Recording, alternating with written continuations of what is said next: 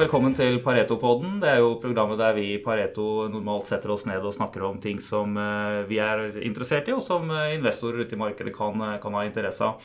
Men i dag har jeg vært så heldig å få en gjest i studio en med, som både er dagsaktuell, men også driver innenfor et fagfelt som er, er veldig interessant for mange. Er, Vi snakker om Raymond Carlsen, sjef i Scatec Solar.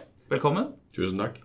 Eh, dere kom med kvartalstall i dag. Det kan jo folk se på nett. og Dette er jo også et selskap vi følger analysemessig, så vi vil ha kommentarer på, på det. Men eh, jeg ser kursen opp 31% siste år, så det har jo vært en, en god drive i, eh, i, selskapet. Og det er jo gode grunner til det, og det er egentlig temaet vårt her i, i dag. Dere driver innenfor fornybar energi. Det er snakk om bygging og drift av store solparker, ikke sant? Det er korrekt. Eh, internasjonalt. Eh, det er foreløpig ikke så mye av det i eh, Norge. Men eh, jeg tenkte vi kunne, kunne, gå litt inn på dette her. Altså den, den store driveren, slik man oppfatter det fra, fra, utsiden, er jo en økt omfavnelse av fornybar energi i mange markeder. og det er jo dere midt oppi. ikke sant? Det er liksom den, den bølgen man, man rir på. Hvordan vil du selv beskrive det her nå? Nei, Hvis vi tar en eh, rask titt på de siste 10-12 åra, eh, så har jo skjedd en formidabel ut utvikling. og eh, Tyskland skal jo ha skryt for at de tok initiativet. De etablerte tariffer for, for kjøp av fornybar strøm, inklusive sol og vind. Mm. relativt høyt da, men det startet i en industri. og Vi har jo en rekke selskaper som har nytt godt av det.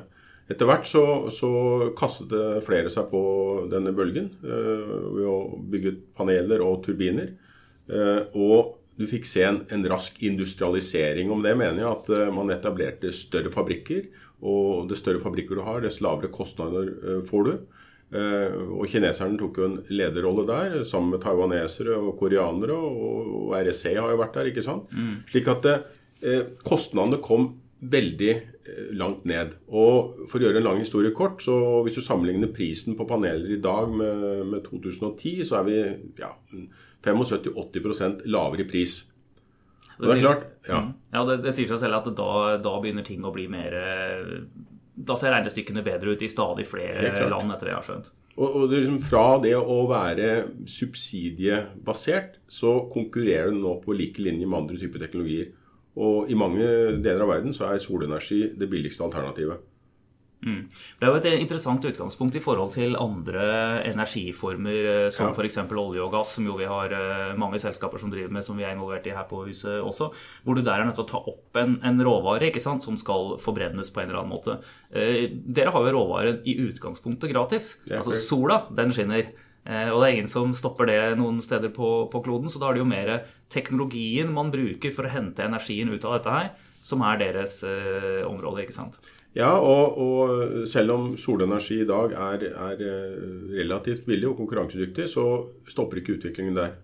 Slik at eh, vi vil se at, at solenergi kommer til å bli enda billigere når panelene får høyere effektivitet. Mm. Eh, kan du nevne i den sammenhengen også at uh, noen hevder jo, og har hevdet at uh, ja, men hør nå her, sola skinner jo ikke 24 timer i døgnet. Vel, kanskje med unntak av, av, Norge, da, nord i Norge. Ja. Slik at du er avhengig av andre løsninger. Jo, det er riktig. Men det som også skjer her, det er at man produserer batterier. Du ser jo Elon Musk og Tesla produserer altså svære batterifabrikker under oppføring i USA. Og du ser Samsung, du ser flere andre den, altså Utvikling av batterier kommer til å følge den samme kostreduksjonskurven stort sett som mm. sol, solpaneler. Og, og, hva er som er interessant med dette her? Jo, for da kan du overinstallere. Du kan installere mer sol, slik at du kan produsere til lagring til batterier, og så bruke batteriene når sola eller vinden har, altså sola har gått ned eller vinden har stoppa. Mm. Dette er jo veldig interessant, og ikke minst det at hele greia er basert på teknologi, og du har da alle de typiske driverne innenfor teknologi ja. og industrialisering som driver prisene lenger og lenger ned hele tiden. Um, hvis man ser på, på Skatex rolle oppi dette her, da. Uh, dere uh, går jo, slik jeg forstår, inn i egentlig alle ledd. Uh, man er ikke bare inne og, og, drifter solparker, sånn som det finnes en del selskaper som, som, gjør, eller eier det som finansielle eiere. Men dere er også inne på å bygge det og er med i, i prosjekteringsfasen. og ikke nok med det, det gjør det i en, en masse forskjellige land rundt på, på kloden. Eh, jeg har liksom følelsen at jeg sitter i samme rom som en som kunne fortalt veldig mange interessante anekdoter tror jeg, fra, fra det ene landet etter det andre. Men, eh, men, eh, hvor skal man begynne? Hvis du skulle beskrive kortversjonen av liksom deres prosess? Ja, altså vi, vi, begynte jo også i Europa, altså i Norge, med et selskap etablert i 2007. Og så var det noe oppkjøp. Jeg kom inn i 2000, slutten av 2009. og og jeg så litt på forretningsmodellen. Vi bygde jo da for tredjepart ikke sant, til å mm. begynne med. Men det var veldig naturlig å se på resten av verdikjeden. Og det gikk veldig eh, tidlig opp for meg at, at, selskapet burde kanskje interessere seg også for å utvikle prosjekter. Og når du utvikler prosjekter, så går du fra å sitte i baksetet eh, til å sitte bak rattet. Mm. Og når du utvikler prosjektene, så må du ha da egenskaper i organisasjonen, slik at du, du klarer å, å, å, spotte mulighetene. Enten det er si, i Europa eller andre steder i verden. Så over årene så har vi spesialisert oss på å se muligheter eh, der hvor man har et fundamentalt behov for kraft, der hvor du har juridiske eh, systemer som at, gjør at du kan sikre avtalene dine på en fornuftig måte. Mm. Eh, der hvor de ønsker å gå inn i kraftavtaler som går over 20 år. For vi signerer ikke kraftavtaler som er under 20 år. I hvert mm. fall uh, i det store og det hele. Uh, og Det betyr at du sikrer en inntektsstrøm. ikke sant? Uh, og så er jo dette veldig mye likt dette å utvikle et eiendomsprosjekt, nesten. Altså, Du må forstå markedet. Du må skaffe deg tillatelsene, du må ha en miljøundersøkelse, du må ha rettigheter til landet. Alt dette her som understøtter eh, en kontraktsperiode på 20, minimum 20 år. Mm, vi har jo sett det litt fra vår side også, at det er, jo et veldig stort overlapp mellom kan du si, type investorer som går inn i, i eh, eiendomsprosjekter eller andre lange asset-prosjekter. Ja. Om det er til og med på, på, rigger og flytende båter og den type ting. Eh, bare man er sikker på at man har kontrakter som er lange i andre enden, så kan man begynne å regne på det, og da, da kommer lange penger inn. Ja. Og, og det, men det vi gjør i tillegg, da En eiendoms, eh, altså stopper på med utvikling, så selger han prosjektet videre. Vi bygger det også. Så vi har kompetanse til å bygge prosjektene. Uh, og vi samarbeider da veldig ofte med lokale entreprenører og lokale selskaper som, som gjøres i stand til det. Uh, og når prosjektet er oppe og går, altså når vi begynner å produsere strøm, begynner på, på begynnelsen av en kontrakt på 20 år, så har vi også en vedlikeholdskontrakt. Slik at vi følger opp og følger anlegget fra dag til dag som gjør at eh, vi kan påvirke hvor godt det produserer eh, osv. Eh, samtidig som at vi, eh, når, før vi begynte å bygge, så investerte vi også eh, i en eierinteresse. Og vi skal kontrollere en eierinteresse, minimum 50 mhm. eh, Slik at vi som selskap har utviklet en modell som gjør at vi får transaksjonell kontroll. Det betyr at vi inviterer andre medieinvestorer inn. Vi står ansvarlig for å skaffe eh, dettfinansiering, eh, eller mm. 80% av finansieringen, omtrent som du bygger et hus, ikke sant? så er det 20% egenkapital. Og så er vi eiere. Slik at eh, vi bygger ikke anlegg billigst mulig. Vi bygger høy kvalitet, men også, men også kostnadseffektivt. Fordi vi vet at vi skal eie de i 20 år. Dette er eh, interessant. Eh, og, og, men etter 20 år La oss si dere har en, en avtale ja. på, på, 20 år. Etter 20 år, eier dere fortsatt kraftverket da, eller faller dere på en måte tilbake til, til det landet som dette er gjort i, eller, eller, noe sånt? Sånn som man har sett på vannkraft, ikke sant? hvor det har vært hjemfall og den type ting? Ja, de kaller det for BOT, Build, Own and Transfer. Ja. Vi har i våre kontrakter, og vi leaser som regel landet. Eh, noen, I noen land så får du ikke kjøpt land. ikke sant? Og mm. For oss er det ikke noe poeng å eie land, vi vil bare leie det i kontraktsperioden. Eh, når eh, kraftsalgsavtalen er over etter 20 år, som du indikerer, så har vi en avtale som gjerne går 5-10 år lenger med, med landeier. Og da vil man opptre i et marked hvor det vil være markedsprisene som vi må måle oss mot. Men da har man et anlegg som er nedbetalt. Ja, ikke sant? Og du, ja, vi, vil, vi, trenger ikke betale for noe olje eller gass, altså, som Nei. du sa innledningsvis. altså Sola forhåpentligvis er fortsatt gratis om 20 år. Så du kan jo bare tenke deg hvor, hvor konkurransedyktig den strømmen vil bli om 20 år. Ja, ikke sant? Dette har jeg hørt fra, fra andre også på, Jeg hørte deg snakke på på vår fornybar energikonferanse her for en eh, drøy uke siden. og Da var det også andre aktører som, som drev solparker rundt omkring. og De, de, de trakk fram det poenget at etter 20 år så sitter du der med ting som er fullstendig nedbetalt, og egentlig bare genererer fortsatt løpende kontantstrøm, så lenge man, ja. man sitter på det. da, Men så har man jo eh, For utstyret, hvordan er det med det? Altså, hvor, Hvordan er syklusen på hvor ofte du må bytte paneler og den type ting, f.eks. på sånne anlegg? Ja, du får, altså I den finansielle modellen så, så legger man man inn eh, hvordan panelene opererer over tid. Og man forventer en reduksjon i eh, produksjonskapasitet, altså eh, produksjon av strøm, med 0,4 eh, per år. Så etter ti år så er det redusert det med 4% så under 10% reduksjon i kapasiteten. Så har fortsatt 90% av kapasiteten etter 20 år. Mm. Og silisium er jo, det er jo samme som sand. ikke sant? Sand, Ja, ja. sand råtner ikke. Eh, Slik at det, garantiene fra, fra leverandørene eh, er på 25-30 år. Og det er ikke noen grunn til at de skal stå, uh, ikke skal stå lenger enn det. Slik at det er et veldig potensial uh, etter at disse 20 årene er, er over. Og vi ser jo på en del transaksjoner da, når, man, når det gjelder salg av, av den type anlegg, så priser man ikke bare inn kraftkontrakten over 20 år, man også, tillegger også verdien av kraftproduksjonen etter år 20 inn i verdivurderingen. Det er jo interessant. Eh, Men gitt eh, samme type utstyr, så samme panel, er det noe særlig forskjell på hvor på kloden du eh, installerer det? Eh, altså om, dette, om vi snakker Sør-Afrika eller nær ekvator eller, eller Nord-Norge? Ja, Du tenker på med hensyn til effektivitet? Ja, rett og slett. Eh, Det er jo, det er jo veldig Altså, du får jo mye større eh, produksjon der hvor det er mer sol. Det sier seg selv. Og i Sør-Afrika så ligger du opp mot en 2400 soltimer i, i året. Mens du på Sørlandet her i Norge da, så ligger du kanskje sånn som i Nord-Tyskland 900 000 timer. Ikke Det er mer enn dobbelt så mange soltimer. Og da kan du kjøpe eller lage strømmen halvparten så billig. sånn. Men det typisk eh, oppdragsgiver for eh, Eller på en måte eh, ja, hva skal kalle, kalle oppdragsgiver da, for dere, Ja. eh, vil jo være et land hvor, som har et kraftbehov. Et land eller et område med et kraftbehov, og hvor eh, de da ser på ulike alternativer. Enten så har man olje eller gass og kan bruke noe av det. Man kan ha noe vannkraft. Ofte så kan det der være uttømt, eller så må du begynne å importere og betale for eksempelvis olje og, og gass. Eh, og så har man da, da sol. Hvordan, eh, hvordan har det utviklet seg konkurransemessig eh, nå, de senere, siden, siden dere begynte? Det er jo, det er jo litt, litt avhengig av hvor du er. ikke sant? Altså, sånn som I Europa så skal man jo erstatte skittenkraft, kullkraft Det Nå er ikke kjernekraft skitten, men den andre attributter. Ja. Med fornybar. For man har satt seg mål, politiske mål. ikke sant? Så det er erstatte Det er ikke snakk om noe særlig vekst i energimarkedet.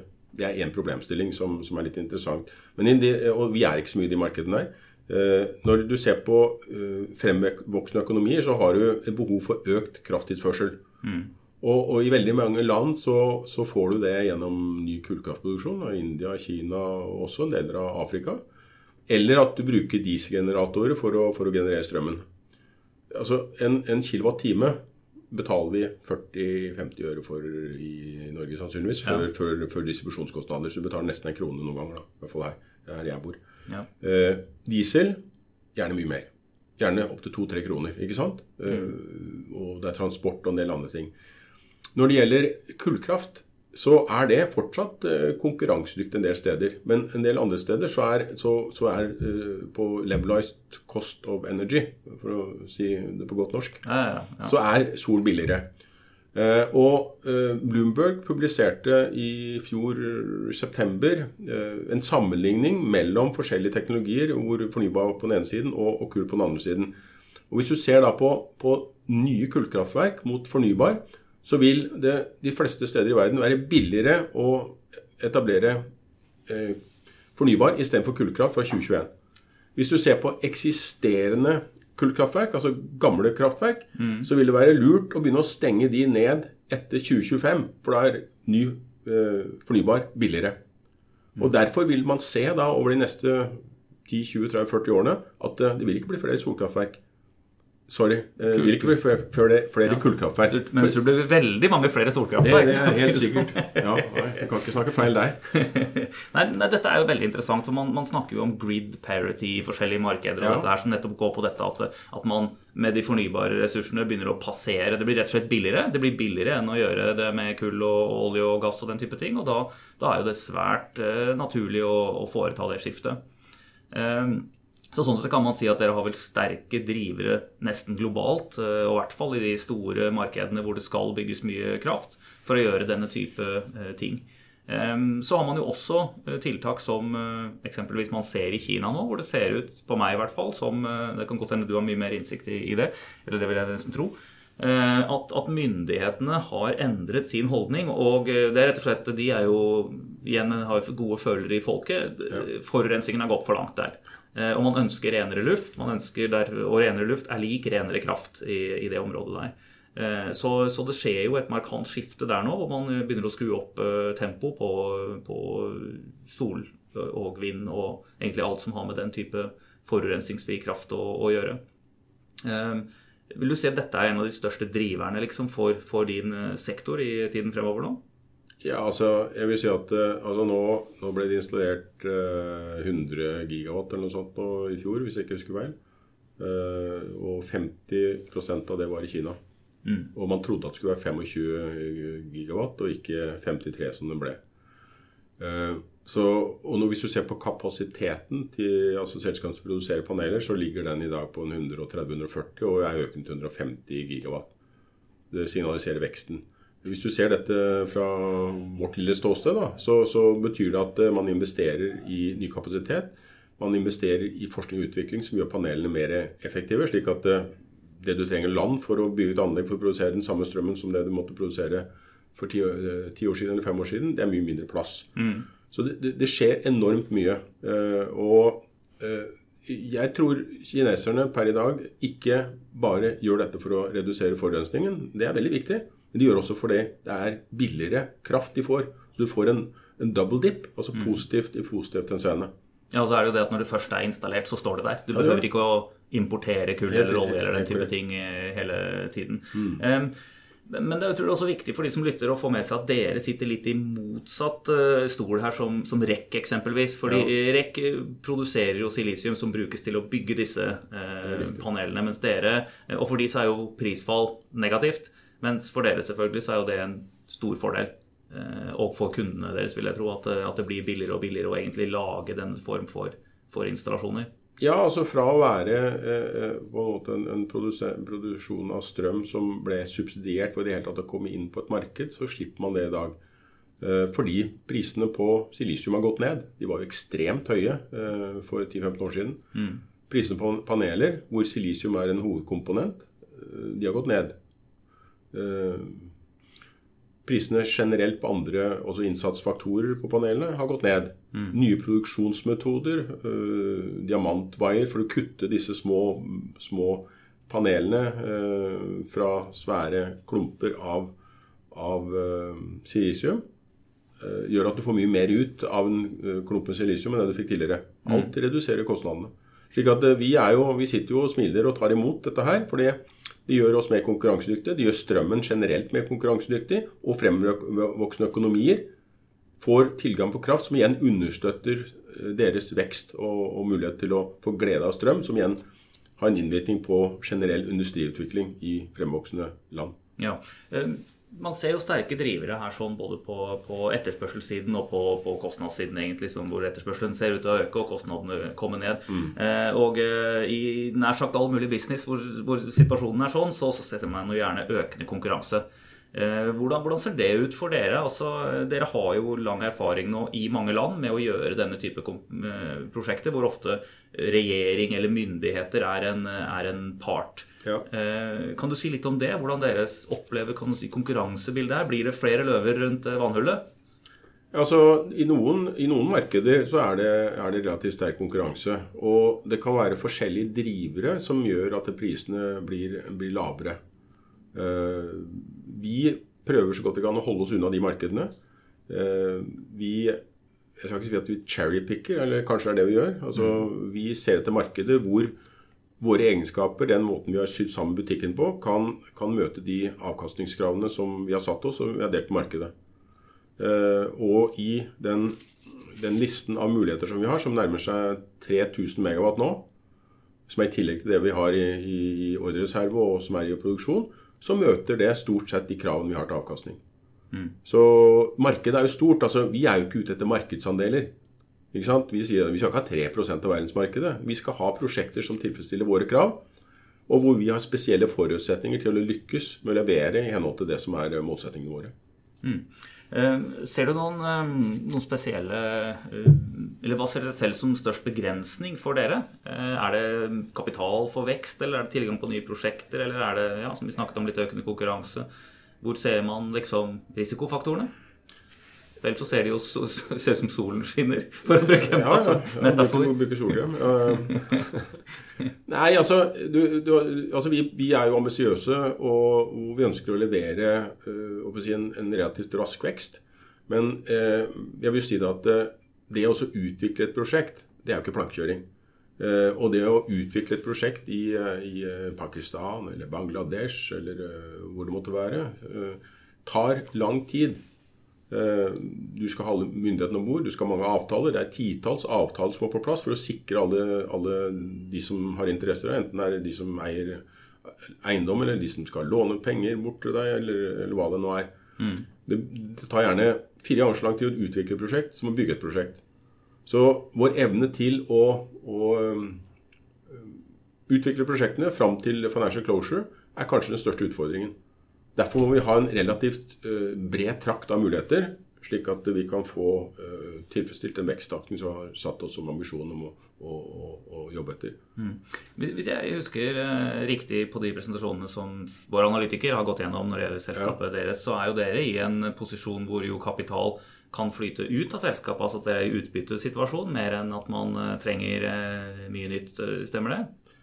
Altså, vi, Før vi eh, gikk på børs for litt over tre år siden, så, så hadde vi en diskusjon med rådgivere og, og med styret og litt forskjellig. Og så, og som, hva skal være eh, fundamentet for oss fremover? Skal vi være et vekstselskap? Ja, det bør vi være. Bør vi også betale utbytte? Og, og det er en liten selvmotsigelse. Hvorfor betaler du utbytte når du er et vekstselskap? Ja, ja. Eh, men vi kommer likevel til at eh, det å betale utbytte, det, det er fornuftig. Og, og, det er litt forskjellige hensyn her. Eh, over tid så vil utbyttet vårt øke relativt raskt eh, til et høyt nivå, fordi vi får altså 1500 megawatt i operasjon. ikke sant? Slik at du, I takt med at disse parkene ja, blir ferdigstilt. Slik at det, det vil, være, ja. vil, være, kapital tilgjengelig for å gå til aksjonærene. En annen ting som er viktig, det er at vi er i en del markeder hvor hvor noen kan si at ja, har du trapped cash, får du cashen tilbake til investoren i Norge. Mm. Slik at eh, Det å ha en utbyttepolitikk det er en veldig god indikator på at disse strømmene av, av kapital som kommer som gevinst for salg av strøm, kommer tilbake til Norge. Mm. Så, og Dessuten så er da utbyttene relativt til det vi investerer i dag, ikke så store. Det, det begrenser oss ikke til å ha den veksten vi skal ha. Men jeg sier jo ikke det at det, den politikken vil vedvare for, for, alltid. Men per nå så, så mener vi det. Ja. Eh, og du har en, eh, kommunisert en ganske stor pipeline eh, for vekst fremover. Ja. Men i tillegg så er det også en del muligheter. Hva, hva syns du i tillegg at investorer bør vite? Er det noen spesielle ting som, er, som du selv syns er, er, mest interessant akkurat nå, før vi runder av? Ja, Du tenker på markedsmessig? Ja, eller av dere, ja. Av ting dere ser der. Ja, jeg syns det er jo kjempemye interessant, da, i og med at vi eh, nå etablerer oss altså Vi etablerte oss i Malaysia for et og et halvt år siden. Vi ser eh, veldig raskt at uh, mulighetene kommer til oss. Og fra tidligere, hvor vi måtte jakte opp og snuse opp alle mulighetene selv, så har vi gjennom de siste årene, og det setter vi veldig pris på Vi har fått oss et, et, godt navn, og det skal du ta veldig godt vare på også. Men det betyr også at gjennom de partnerskapene vi har. For et av hovedfundamentene våre det er å bygge vekst basert på gode partnerskap. Enten det er med banker eller medieinvestorer eller, eller uh, utstyrsleverandører. Prosjektene begynner nå å komme til oss. Ikke sant? De kommer til oss for de vet at vi mm. klarer å realisere prosjektene og bygge de. For det er ikke plankekjøring å bygge en del av disse landene. Det er ikke plankekjøring å skaffe finansiering til et prosjekt i, i Bangladesh. Det får vi til. Det høres kjempebra ut. Jeg, skal, jeg, vet at du har mange møter på agendaen videre i dag. Jeg sier tusen takk, Raymond Karlsen, Skatek Solar, for at du kom i studio i dag, og lykke til videre. Tusen takk skal du ha. Det var veldig hyggelig.